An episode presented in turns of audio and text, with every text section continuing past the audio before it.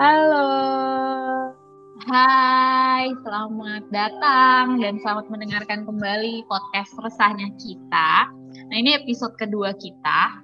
Jadi, episode pertama kita iya, episode pertama kita itu udah bisa didengarkan juga itu membahas tentang uh, awal mula kita ketemu singkatnya terus juga membahas tentang kenapa kita akhirnya ngebentuk dan ngebuat podcast Terus uh, itu juga uh, kenapa membahas tentang kenapa namanya uh, resahnya kita. Nah ini kita hmm. take di bulan eh recording di bulan Februari. Udah masuk bulan Februari nih. Gimana Januarinya? So far sejauh ini. Kalau lo sih Januari lo gimana so far? Ya jadi kan udah memasuki Januari ya udah sebulan nih kita ngelewatin uh, tahun 2022 gimana nih udah ini sebulan ini ya kan ya sebulan mm-hmm. uh, sebulan ini tuh uh, dimulai dengan gue uh, kerja di bidang yang baru dan belajar bahasa mm-hmm. baru juga uh, jadi mm-hmm. uh, jadi uh, gambaran besarnya adalah uh, sekarang ngajarnya tuh ngajar anak-anak kecil uh, range umurnya yeah. dari 3 tahun sampai 10 tahun uh, dan basically mm -hmm. uh, apa yang gue punya experience experience yang gue punya itu malahan tuh jauh di atas itu ya gue selama ini belajar sempuhnya uh, ngejaga tuh buat SMP dan SMA tapi sekarang kerjanya uh -huh harus ngadepin anak yang tiga tahun sampai tujuh tahun eh sepuluh tahun ya harus belajar hal baru lagi mm -hmm. harus belajar mengenai ekspresi harus belajar lagi uh, main suara juga harus kayak gimana nih harus yang ceria harus juga mm -hmm. memutar-mutar apa ya uh, games gimana pencapaian yang menarik bagaimana dongeng bagaimana mm -hmm. cara bercerita gitu sih bagaimana nyanyi ya? Ya basic basicnya gue juga gak suka nyanyi sih ya kalau gue udah agak bagus-bagus banget. Ya kan kayak banyak banget hal baru di hmm. awal tahun ini dan uh, so far sih happy banget. Uh, buat yang kayak happy banget lah. Buat yang udah pernah ngajar hmm. pasti tahu rasanya. Gimana? Kayak nemuin dunia baru gak sih? Nah, gimana happynya ngelihat ekspresi anak-anak yang kita ajar. Gimana happynya mm-hmm. ngelihat respon mereka uh, dengerin apa yang kita ajarin. Ya even lu bakalan pusing dengan situasi mereka yang mereka uh, tiba-tiba pengen ke toilet lah atau tiba-tiba yang mereka atau tiduran atau tumpang lagu pakai lututnya dia atau yang dia bantu mama kakaknya itu lucu itu sih. Cuma ya ya itu itu, itu lucu dan bikin pusing juga. Dan satu lagi gue lagi belajar bahasa baru. Oh iya di Bekasi okay. itu di Bekasi itu ada satu komunitas yang sangat berguna banget yang mungkin mm -hmm. beberapa orang yang belum tahu. Uh, namanya itu fakta bahasa Uh, mm-hmm. Buat yang mau tahu, mereka itu selalu open rekrutmen itu selama setiap enam bulan sekali. Nah nanti kalau mm-hmm. yang mau uh, tahu sekitar bulan Juni kalau nggak Juli, mereka buka lagi tuh. Nah jadi tuh di situ adalah wadah lu tempat belajar berbagai bahasa. Misalnya mm-hmm. lu pengen belajar bahasa Belanda, Turki, bisa Spanyol, bahasa Prancis, bahasa Arab, Inggris juga ada, dan yang lokal juga ada loh, ada bahasa Jawa. Wow, serius ya, ada bahasa Jawa? Bahasa Jawa dan menurut gue ini adalah oh bener banget interesting banget menurut gue uh, komunitas yang sangat berguna ini sangat uh, apa ya yang sangat berguna banget lah pokoknya ini harus disebarkan sih harus harus banyak yang tahu kalau emang ada yang mau tahu namanya itu cari aja di IG namanya Fakta mm -hmm. Bahasa Bekasi nah nggak cuma di Bekasi aja di Jakarta juga ada di Bandung ada di Jogja juga ada tapi karena gue ikut di Bekasi jadi gue uh, lebih tahunya jangan di Bekasi jadi kayak gitu nah oke okay. iya dan menurut gue itu satu hal yang seru banget sih coba eh, coba-coba hal yang baru karena daripada kita stagnan aja jalan tempat menurut gue gak salahnya mm -hmm. buat sisihin satu jam dalam uh, hari lu buat belajar satu hal yang baru. Gitu. Kalau emang iya interesting banget ya. Iya bener. Kalau emang gimana bulan Januari nya bulan Januari gue so far fun. Dan apa ya bulan Januari tuh mungkin agak lebih sederhana tapi meaningful kali ya. Karena gue merasa gue punya banyak uh, waktu untuk me time. Yang tadinya waktu-waktu itu tuh gue gunain untuk mungkin ngerjain tugas waktu masih ngampus. Mm. Dan keteteran keteteran ngerjain ini itu gitu. Apalagi setahun belakangan kemarin kan gue sempro skripsi dan PPL ya walaupun online tapi kayak rasanya kayak dikejar-kejar gitu. Jadi waktu me time gue tuh sangat-sangat tipis lebih ke nggak ada ya bukan tipis. Terus juga sepanjang kuliah tuh gue bener-bener kalau gue pikir-pikir lagi sepanjang empat tahun gue kuliah dan ngajar ya kayak kok uh, gue kalau punya me time tuh uh, kayak gue sempet sempetin gitu ti. Jadi bukan yang bener-bener gue bisa oh gue mau me time ah gitu. Tuh itu nggak bisa kayak gitu gitu setelah gue pikir-pikir. Jadi tuh itu waktu yang gue sempet sempetin yang gue sisip-sisipin di tengah hal yang harus gue kerjain gitu. Jadi belakangan ini uh, khususnya Januari Januari hmm. dan Desember akhir-akhir gitu Desember pertengahan sampai akhir gitu gue tuh punya banyak waktu untuk gue gunain baca gue suka baca kebetulan uh, hmm. terus juga gue banyak uh, akhirnya gue bisa punya waktu buat nonton series kan? Kita happy banget tuh.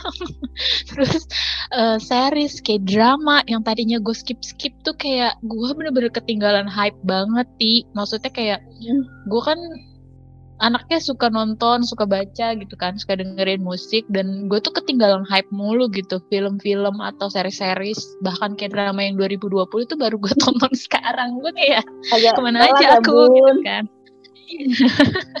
ke mana aja aku gitu. Terus juga gue tuh uh, pengen belajar bahasa baru juga dan dapat rekomendasi dari Oti kan tentang fakta bahasa itu. Dan menurut gue itu worth it banget.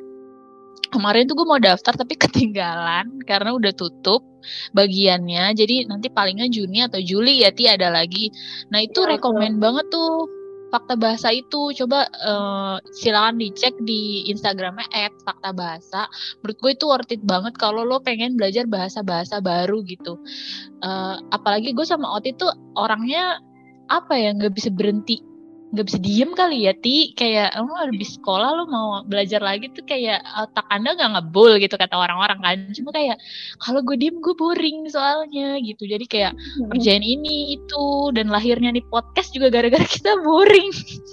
Aduh ngapain ya ngapain ya. Lahirlah podcast ini.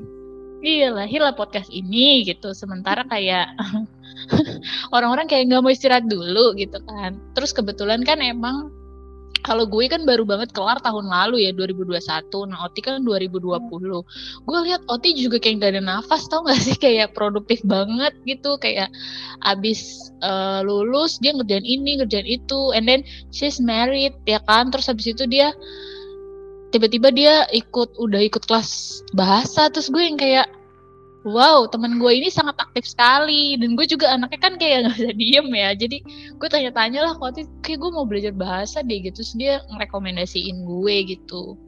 Fakta bahasa ini dan menurut gue worth it banget. Ya kan ti untuk membangun uh, pertemanan baru jaringan baru dan pengetahuan bahasa baru. Itu gue harus daftar sih nanti supaya nggak ketinggalan bulan Juni Juli.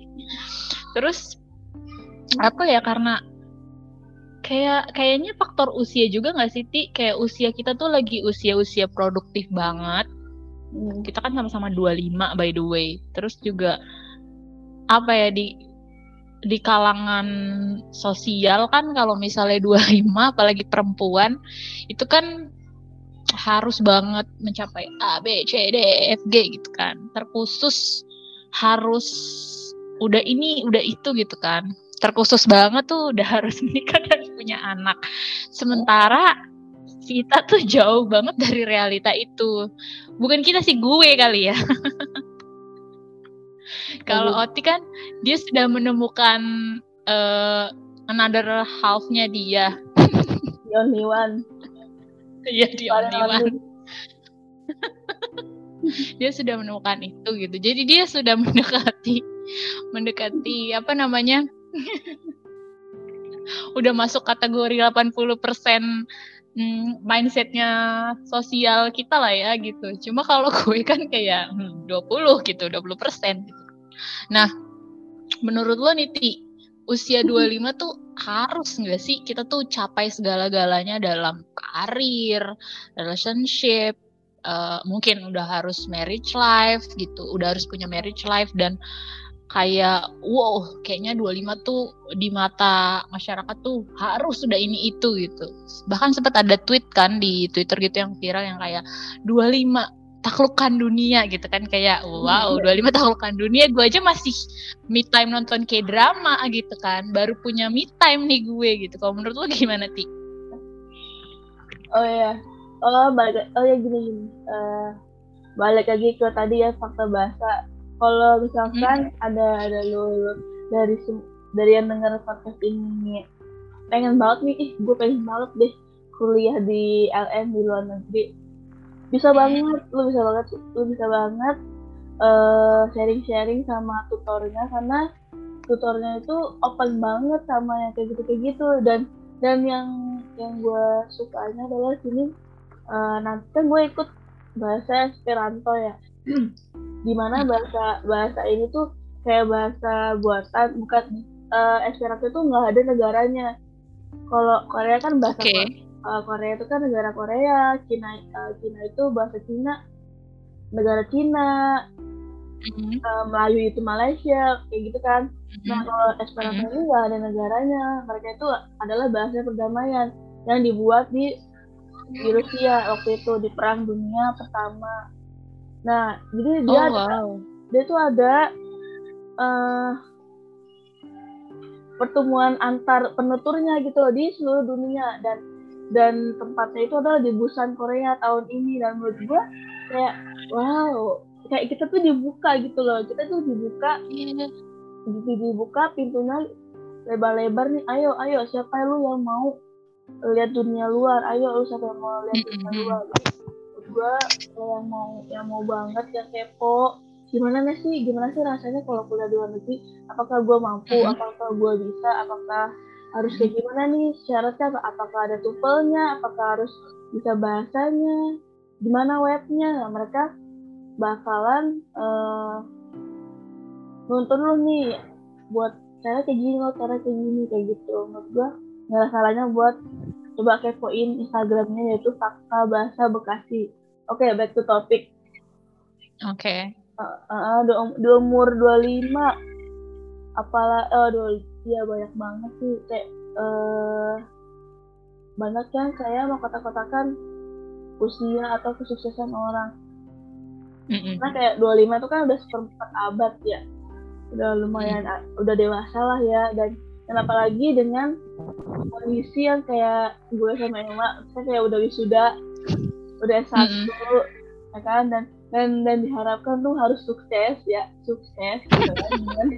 Dengan, mm-hmm ijazah S1 itu. Dan menurut gua itu uh, salah sih perspektif kayak gitu. Karena uh, dan juga kalau ukur sukses tuh kayak gimana sih? Apakah yang bergaji gede? Apakah yang harus uh, dua digit dulu nih gajinya baru dijalankan mm -hmm. ataukah yang sudah punya rumah sudah punya rumah ataukah sudah punya mobil dua ataukah yang kayak gimana yang misalkan sering keluar kota atau gimana kan sukses sukses di mata orang-orang kan kayak gitu ya?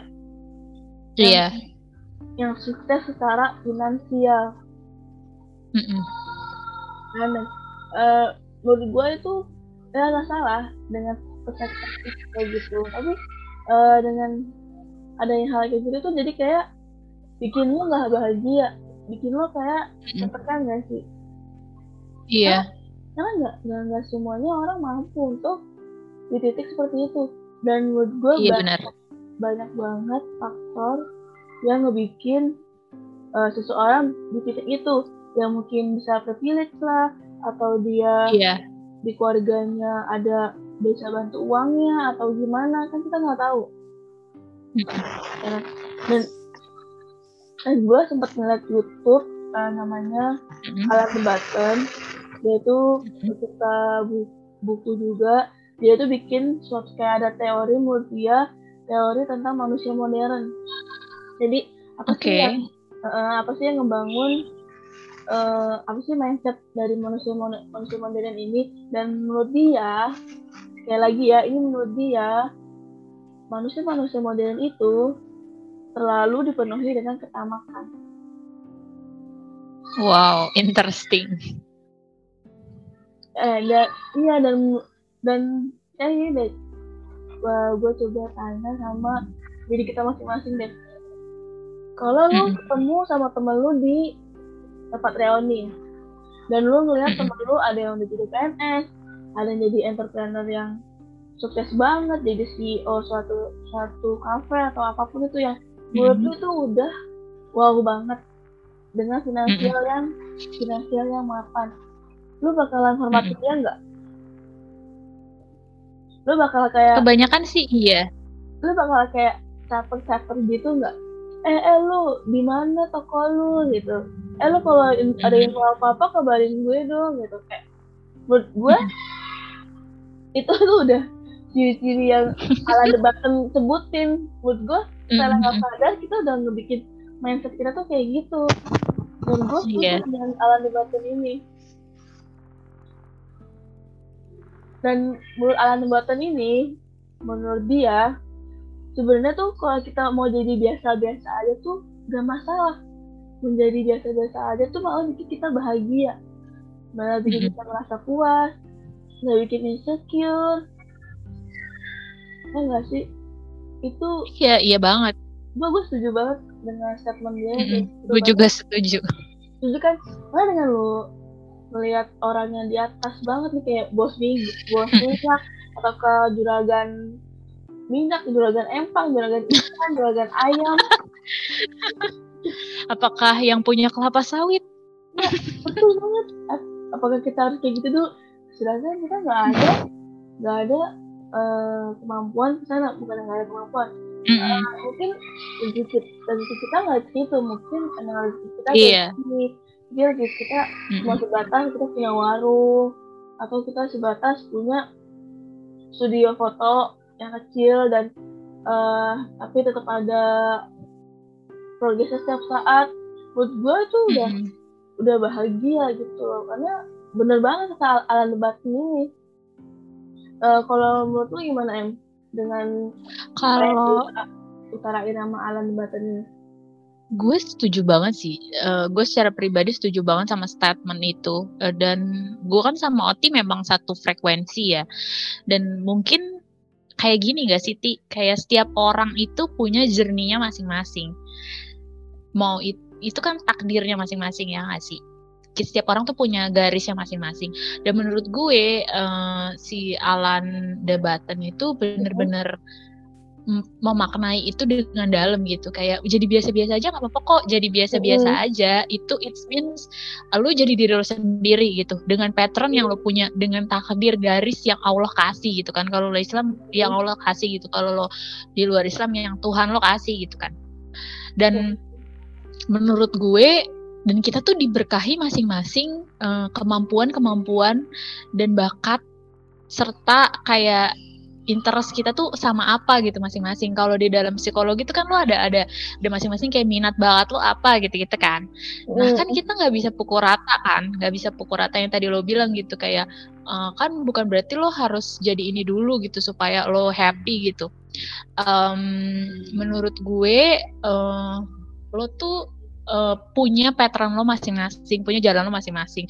Kayak misalnya gue sama Oti memang satu frekuensi gitu, tapi kan uh, gue sama Oti punya cita-cita kita masing-masing gitu kan. Gak bisa tuh disamain kayak oh uh, uh, perempuan ha, dikotakin gitu kayak oh uh, perempuan harus nikah umur segini gitu itu kan nggak bisa gitu karena lu melanggar pattern dan takdir yang udah Tuhan kasih gitu kan mm-hmm. jadi menurut gue uh, apa yang Alan Debatan bilang itu gue setuju banget, bener banget. Jadi biasa-biasa aja itu nggak apa-apa gitu. Lu berkembang dengan apa yang lu punya, dengan minat bakat yang lu punya. Tentunya lu harus tahu juga kan minat bakat yang lu punya apa. Dan uh, menurut gue, lu juga harus tahu gitu kapasitas lo. Karena kan yang tadi Oti bilang kan, orang tuh punya privilege-nya masing-masing gitu dan lu tahu kapasitas privilege lu tuh apa? Itu yang paling penting. Lu lu tahu kapasitas privilege lu apa? Kalau lu disupport sama keluarga untuk sekolah lagi misalnya gitu S2 lagi gitu ya udah jalanin gitu lu dapat support gitu kan. Dan lu punya finansialnya lu nabung misalnya gitu ya udah jalanin gitu. Kalau lu berarti itu pattern lo gitu, takdir lo. Tinggal lo cari aja gitu. Kalau misalnya lo mau ngambil S2, kira-kira lo interestnya di bidang apa ya? Kira-kira S1 lo apa ya? Se biar se sejalan gitu dan dan itu nggak cuma jadi S2 yang cuma-cuma gitu. Gimana nih caranya? Gimana caranya lo akhirnya jadi tahu gitu. Privilege lo apa, interest lo apa, uh, minat bakat lo apa. Jadi itu semua lo gabungin dan gue rasa akhirnya lo punya selain dikasih takdir sama Tuhan ya akhirnya lo tahu gitu jalan yang mau lo ambil tuh apa gitu. Mungkin be yourself tuh sebenarnya gitu kali ya ti. Kayak kita nggak ikutin uh, apa yang ada di masyarakat bener-bener plek-plek tanpa disaring gitu iya nggak sih? Iya misalnya kayak ya lu boleh ngeliat kayak ada Nadiem Makarim Pak Pak Nadiem mm -hmm. ya dia keren mm -hmm. banget kan terus juga pas dia ke Uno dia keren juga tuh gue tahu ininya apa kak jejak dia gimana bisa sampai sekarang. Lu lu bisa hmm. ngambil positifnya lu bisa jadiin dia uh, apa namanya tuh? Jadiin dia uh, figur uh, yang lo eh, idolain uh, atau lo look up gitu. Ya figur-figur yang lo jadi idolain ya jadi lo contoh untuk untuk mm -hmm cara dia bekerja cara dia cara dia bekerja kan dia kalau pana uh, Sandiaga Uno kan katanya dulu dia main saham kan dan dia uh, waktu itu sempat rugi tapi karena dia tetap percaya sama apa yang dia uh, yakinin akhirnya saham dia naik di tahun 2000 berapa tuh. Ya intinya menurut gua untuk hal-hal positifnya lo ambil aja dan kalau misalnya lu lu menyalahkan keadaan pas lu ikutin dia dan lo nggak bisa kayak dia itu salah banget karena iya karena kita nggak tahu berapa jumlah saham yang dia tanamkan pada saat itu iya. tidak mungkin kan itu jumlahnya sedikit atau mungkin satu miliar mm -hmm. kita nggak tahu mm -hmm. karena dia cuma ceritain pada besarnya aja gitu loh mm -hmm kebanyakan tuh orang pada sekarang tuh uh, pada interest ke saham gitu ya tapi kayak nggak tahu cara ngolahnya gitu kayak main aja nih gue gitu kan tanpa lo belajar dulu finansial tuh kayak gimana sih saham tuh kayak gimana sih gitu iya dan dan uh, gue juga buta saham ya dan dan terus hmm. gue dia juga uh, tahu nih perusahaan mana yang uh, yang harganya murah tapi nggak pas nggak nggak jatuh nggak anjlok banget kalau lagi kita lagi turun gitu stabil kayak gitu gitu tuh ya. Yang bikin yeah. uh, jangan ngeliat sama orangnya ih kok dia main saham bisa langsung. Gede ya dia main saham itu ada kok bisa beli motor bisa beli mobil. Kayak gitu. Iya. dia dia lupa gitu kalau itu tuh ada tekniknya gitu. Lo nggak bisa sembarangan uh, ikutan main-main aja tak lo nyemplung. Kayak ibaratnya lo kalau mau nyemplung uh, lo mau diving nyemplung kan bahasa gue. Lo mau diving gitu kan pasti lo listen dulu atau apa gitu kan. Lo lo lo, lo ini dulu coba dulu gitu kan.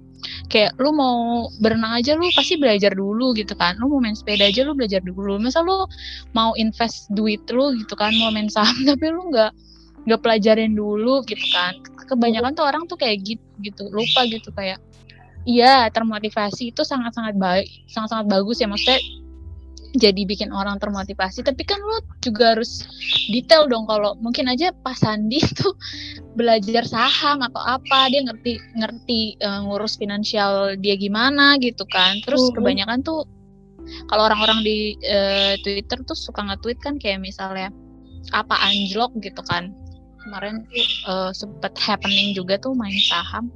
Terus juga uh, kayak jangan sampai pakai uang yang gak dingin. Jadi tuh kayak uang yang harusnya untuk kebutuhan primer lo pakai untuk main saham. Itu kayaknya lo akan ditoyor keluarga lo sih yang sih iya. Kayak uang kebutuhan primer nih gitu kan. Terus lo pakai gitu buat saham gitu buat kripto gitu. Kayak hello gitu. Keluarga lo akan noyor lo sih gitu kan. Dan, dan, dan lo, tapi inspirasi sebenarnya pas Sandi itu. Tapi cara lo harus bener ya nggak sih? Dan juga lo kayak gini lo nabung sahamnya satu juta. Lo bandingin sama pas kali ya nanam juta nanam satu juta. Yang mungkin ya, berapa miliar so, gitu kan. Iya mungkin berapa miliar. Dan lu nantinya kok dia dia dapat itu banyak banget. Ya juta doang sampai mana? Karena keuntungan saham tuh nggak ya lebih dari 0, berapa persen gitu. Ya iya benar nggak nggak nggak bakal iya. Nggak bakal cuma naik berapa persen doang kan per tahun? Iya nol koma kalau satu koma berapa gitu kalau lu naruh iya lu iya gede. Iya kalau naruh berapa miliar mungkin kan Pak Sandi naruh berapa miliar atau apa kan? Eh, kalau naruh cuma iya benar juga yang Oti bilang satu juta ya kayak lu mau iya iya tolong lah gitu kan. Ya tolong lah bro gitu kan nggak bisa gitu. Kayak kayak mendadak lu kalah banget sih yang ngepet gitu kan. Kayak dan, dan, dan apa ya orang tuh sih.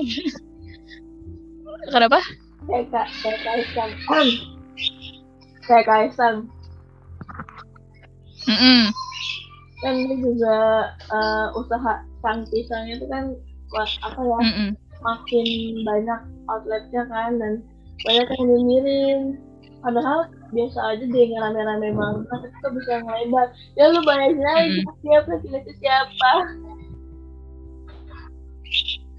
Iya, dia backingannya apa? Privilege. Balik lagi gak sih? Lo harus tahu gitu. Yang tadi gue bilang gak sih? Lo harus tahu privilege lu apa gitu. Ya kalau lu anaknya Jokowi juga ya outlet lu banyak gitu loh. Kayak pasti kan dia kan networkingnya banyak ya. Networkingnya banyak. Udah pasti kan dia bisa. Maksudnya bisa kayak meeting-meeting sama siapa terus akhirnya deal gitu kan kayak privilege gitu jangan lu iriin orang yang lu udah tahu privilege-nya gede terus lu bandingin sama diri lu sendiri kan rada-rada gitu kan. Tapi tapi, tapi. Emang orang tuh ya. orang tuh nyinyir apa? Nyinyir apa ya? Kenapa iya suka nyinyir nggak nggak paham kalau dia tuh punya privilege-nya tuh di bagian apa gitu kan. Karena kita privilege tuh beda-beda banget ya ti. Hmm. kayak misalnya privilege yang gue punya sama yang lo punya nih misalnya simpelnya itu kan pasti beda ya kan? Hmm. nah udah pasti kan kalau misalnya kita bandingin misalnya orang-orang di twitter tuh mau suka sambat sih ya. Tapi kan juga kadang-kadang sambatnya nyinyir gitu kan. Terus kayak ya kayak sang lo lo komenin ya. Ya gimana bro gitu kan. Baik lagi kayak dia punya privilege yang gede banget gitu. Kayak waktu itu sempet uh, yang Putri Tanjung lo tau gak sih ti yang akhirnya jadi trending topik di Twitter gara-gara dia jadi pembicara di seminar apa gitu. Adalah salah satu seminar. Terus kayak kayaknya sih topik dan temanya itu tentang mengenai kayak sukses di usia muda atau pokoknya milenial milenial gitu kan. Terus abis itu uh, abis itu pada nyinyir gitu lah orang-orang Twitter tuh kayak uh, kutip retweetnya gitu terus dia bilang kayak mereka mereka bilang kayak iyalah gimana lo nggak sukses usia muda ya kan kita nggak tahu ya struggle dia kayak gimana. Kebayang nggak sih jadi jadi dia gitu? Maksudnya kalau memang kita nggak bisa uh, relate dengan dia tapi coba deh kita pikirin kita ada di posisi dia. Jadi anak orang konglomerat yang masuk dalam berapa orang berapa orang terkaya gitu di Asia ya nggak sih? Kayak enam kalau nggak salah enam orang terkaya. Eh masuk kategori ke enam orang terkaya di Asia kalau nggak salah waktu itu di majalah apa gitu. Nah terus lu kebayang nggak sih kalau lu jadi dia pressure-nya kayak apa tekanannya kayak apa? Kayak orang kan pasti akan selalu look up bapaknya kan pasti kayak hmm. seanaknya pak ini nggak bisa seanaknya orang kan pasti akan selalu ngomong-ngomong kayak gitu. Kebayang nggak sih kalau lu nggak punya kemampuan dan lu nggak punya uh, pengetahuan bisnis dan lain-lain dan lu nggak tahu lu cuma punya interest dan minat lu apa jadi kalau lu jadi putri juga nggak nggak gampang gitu ya nggak sih ti? Kayak jadi dia juga nggak gampang walaupun punya privilege yang gede gitu. Kebayang nggak sih tekanannya kayak apa. Terus orang tuh nganggep lu tuh kayak apa gitu. Orang berharap ke lu tuh kayak apa gitu. Karena semakin gede privilege lu semakin gak gampang juga beban yang lo hmm. tanggung gitu di pundak lo ya nggak sih? Iya karena yang tadi balik lagi yang yang tadi kata ala Batan jadi biasa-biasa aja pun mm. itu malah bahagia. Karena uh, dengan lo terlalu pressure jadi lo dengan lo harus kayak A harus kayak B harus kayak C dan uh, dengan keadaan yang lu punya lu nggak sama kayak mereka yang pengen lu capai itu gue tuh kasian juga. Karena lu nggak akan rasain namanya nggak bahagia. Tapi tapi balik lagi ya gue sama emang iya. ini nggak nggak ngelarang untuk siapa pun itu bermimpi yang tinggi setinggi setinggi banget. Iya. Gue mau nggak nyalahin lu mau, mau mimpi jadi apa mau jadi presiden atau mau mimpi jadi menteri itu nggak masalah. Uh, yang gue tekanin ini adalah buat yang uh, ngerasa uh, masalah sama jadi, jadi biasa biasa aja tuh akan jadi masalah loh gitu padahal enggak jadi biasa aja pun bisa bikin lo bahagia bisa bikin lo berharga. Bisa bikin lo nikmatin hidup lo buat gue dengan merasa cukup juga bisa bikin lo nggak nggak menghakimi. Misalkan ada orang yang punya apa nih? Uh, misalkan ada orang punya TV baru dan lo merasa iri itu malah bikin diri lo sakit sendiri bikin lo sakit kepala sendiri gitu loh iya iya banget. Bikin lo jadi nggak happy gitu sama apa yang lo punya ya nggak sih? Sebenarnya ya mungkin itu juga yang lo punya juga nggak kalah berharga gitu. Mm. ya nggak sih ti? Iya. Mungkin uh, kita tutup episode 2 ini dengan kesimpulan dan makna yang uh, kalau lo kalau lo sadar privilege lo apa dan lo tahu minat bakat lo apa tanpa lo harus lihat sekeliling lo tuh jadi apa dan sosial lingkungan sosial lo itu menuntut apa gue rasa lo akan hidup dengan uh, happy dengan tenang dan dengan nyaman karena lo tahu pattern lo apa lo tahu garis lo apa gitu kan. Walaupun balik lagi ya takdir yang Tuhan kasih eh, ya yang itu yang akan lo jalanin di hidup lo gitu. Tapi gue rasa Tuhan juga akan ngelihat orang yang, yang kalau lo happy ngejalanin hidup lo dia juga akan akan seneng gak sih gitu kan oke okay. mungkin uh, segitu aja dulu buat episode hari ini uh, kita tutup dengan dengan terima kasih karena sudah mendengarkan cerita-cerita yang kita dengarkan hari ini dan uh, kita tutup dengan uh, dengan apa yang inginkan atau mimpi yang punya. Lu boleh aja setinggi apa pun itu dan mungkin lo pengen uh, suatu hal yang suatu hal yang mungkin menurut lu tuh nggak bisa tapi lu pengen. Buat gue tuh nggak salah tapi yang mau gue bilang di sini adalah kalau misalkan lu gagal di titik itu atau di misalkan di perjalanan lu mencapai mimpi lu gak ada salahnya itu oke. Karena menurut gue menjadi biasa-biasa aja itu pun gak apa itu pun bahagia. Oke sekian dari gue Vivi dan Emma. See you next week. Bye bye